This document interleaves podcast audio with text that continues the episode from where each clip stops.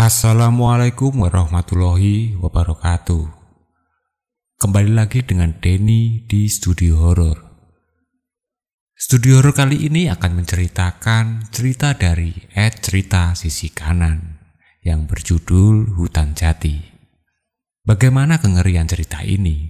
Mari kita simak bersama-sama. Kita panggil saja Mas Hilmi.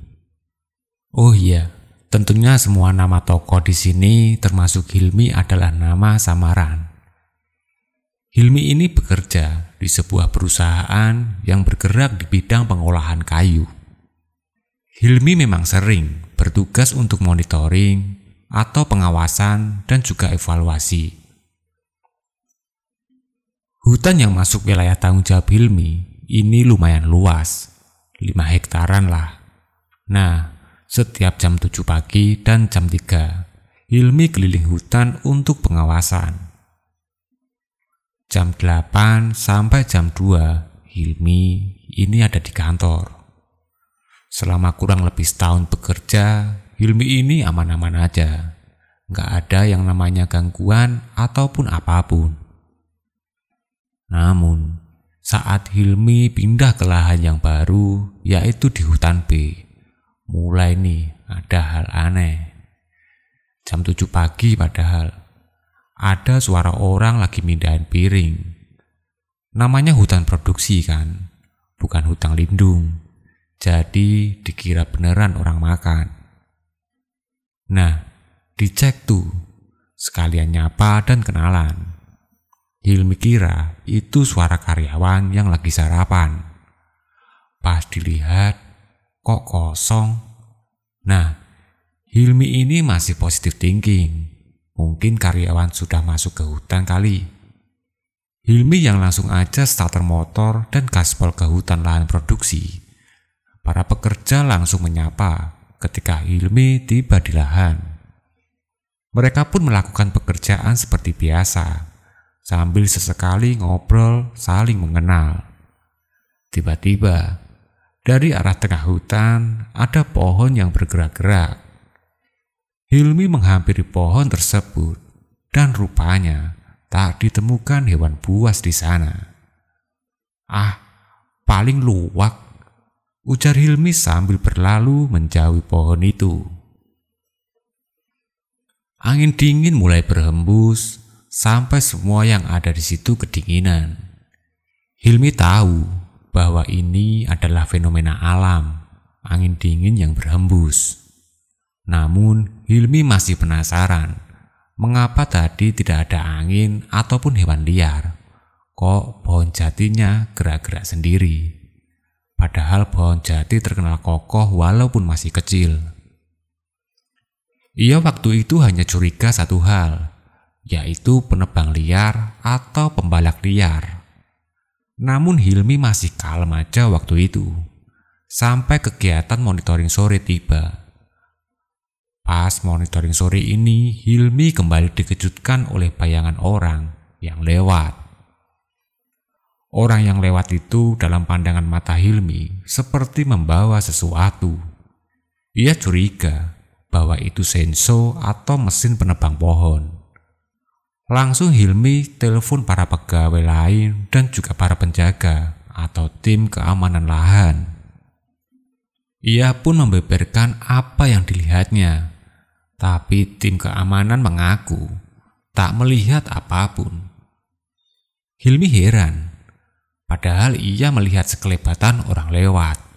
Akhirnya, Hilmi hanya berpesan untuk meningkatkan kewaspadaan para penjaga dan berpamit untuk pulang. Malam harinya ketika Hilmi sudah di rumah, ia mendengar suara berisik seperti orang lagi mengobrol. Ia tak menghiraukan hal itu karena ia sendiri sudah sangat capek. Ia pun segera masuk ke kamar. Banyak hal aneh yang masih ada di pikiran Hilmi. Pagi harinya Hilmi masuk kantor seperti biasa. Tapi tak disangka motor trailnya mogok. Mau nggak mau dia ganti ke motor gear atau motor bebek seperti biasa. Pas sudah sampai di kantor, Hilmi masih curiga sama motor trailnya. Padahal gak ada masalah, kok mogok. Hal ini hampir selalu terjadi pada motornya. Tapi anehnya, hanya motor trailnya saja. Hilmi juga sering mendengar suara aneh pas malam hari. Suara orang ngobrol diselingi suara tertawa yang agak menyeramkan, terkadang hadir. Ia tak dapat menemukan di mana sumber suara orang bicara tadi.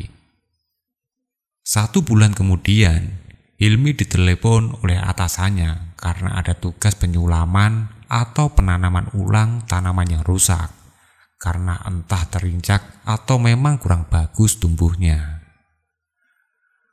Pada hari yang telah ditentukan, berangkatlah Hilmi ini pagi-pagi ke hutan. Para pegawai sudah ada di lokasi.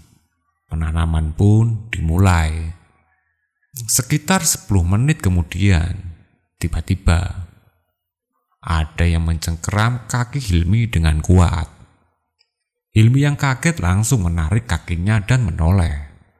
Tampak sekelebatan tangan masuk ke dalam tanah. Hilmi pun langsung memberitahu semua pegawai lainnya tentang ia yang dicengkeram dan sekelebatan tangan yang mencengkeramnya. Para pegawai seakan tak kaget lagi dengan kejadian ini dan malah menenangkan Pak Hilmi.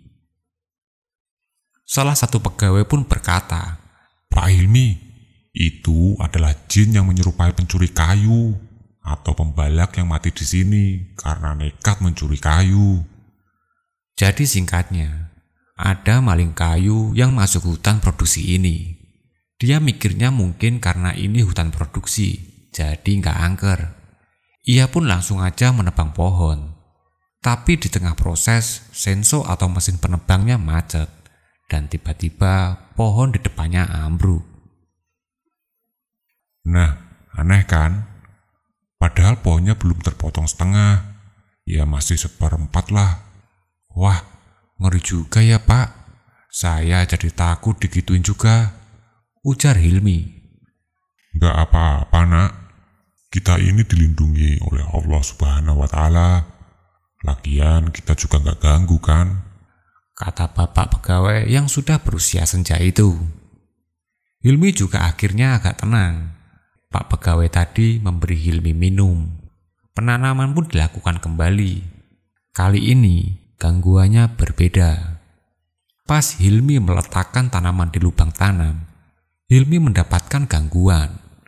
Muncul muka pucat dan penuh bentol-bentol dari dalam lubang tanam tersebut. Tak mau kerjaannya mandek, ia langsung menancapkan tanaman itu di lubang tanam. Alhasil, wajah seram itu tertimbun dengan tanah dan tanaman. Hilmi pun mempercepat kerjanya. Tak terasa matahari pun sudah muncul. Sinarnya menerobos di antara dedaunan. Semua penanaman telah selesai dilakukan. Waktu pun berlalu. Hilmi masih bisa tenang karena sementara ini nggak ada lagi gangguan. Tapi pada suatu hari, Hilmi mendapatkan tugas untuk penjagaan malam. Ada security kan? Ngapain aku terjun juga? Pengawas lapangan juga ada. Gerutu Hilmi. Berangkatlah ia ke lokasi hutan. Di sana ternyata sudah ramai sekali orang bawa senter mulai dari manajer lapangan, staf, sampai semua anggota satpam turun untuk melakukan penjagaan. Ngapain ini orang-orang kumpul? Tanya Hilmi. Pak manajer pun memberi pengumuman untuk briefing 5 menit. Ternyata diketahui ada anak dari general manager yang ngotot masuk wilayah hutan. Ia ingin pamer sama teman-temannya bahwa ia pernah praktek lapang di hutan tersebut. Hilmi yang terlanjur kesal dengan kelakuan sok anak general manager itu langsung pulang. Ia nggak sadar bahwa tempat yang didoai hanya sekeliling area orang-orang jaga tadi. Di luar sama sekali tidak. Makanya walaupun sebel dan muak, orang-orang memilih stay untuk pulang pagi. Pas pulang, Hilmi pun dikejar oleh anjing besar. Anjing itu memiliki gigi-gigi yang tajam dan besar, siap menerkamnya. Hilmi pun segera memacu motornya melewati rimbun hutan dan pekatnya malam. Hampir saja Hilmi menabrak pohon terbesi. Untung ia bisa menghindar. Tapi akar terbesi yang besar dan mencuat keluar tanah membuat motornya sempat melompat. Untung ia bisa dengan baik dan sampai ke jalan raya.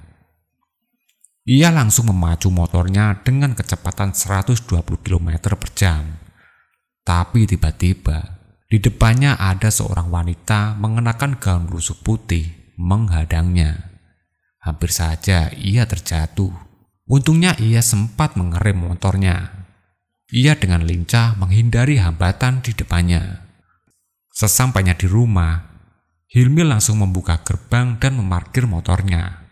Sudah aman, batinnya.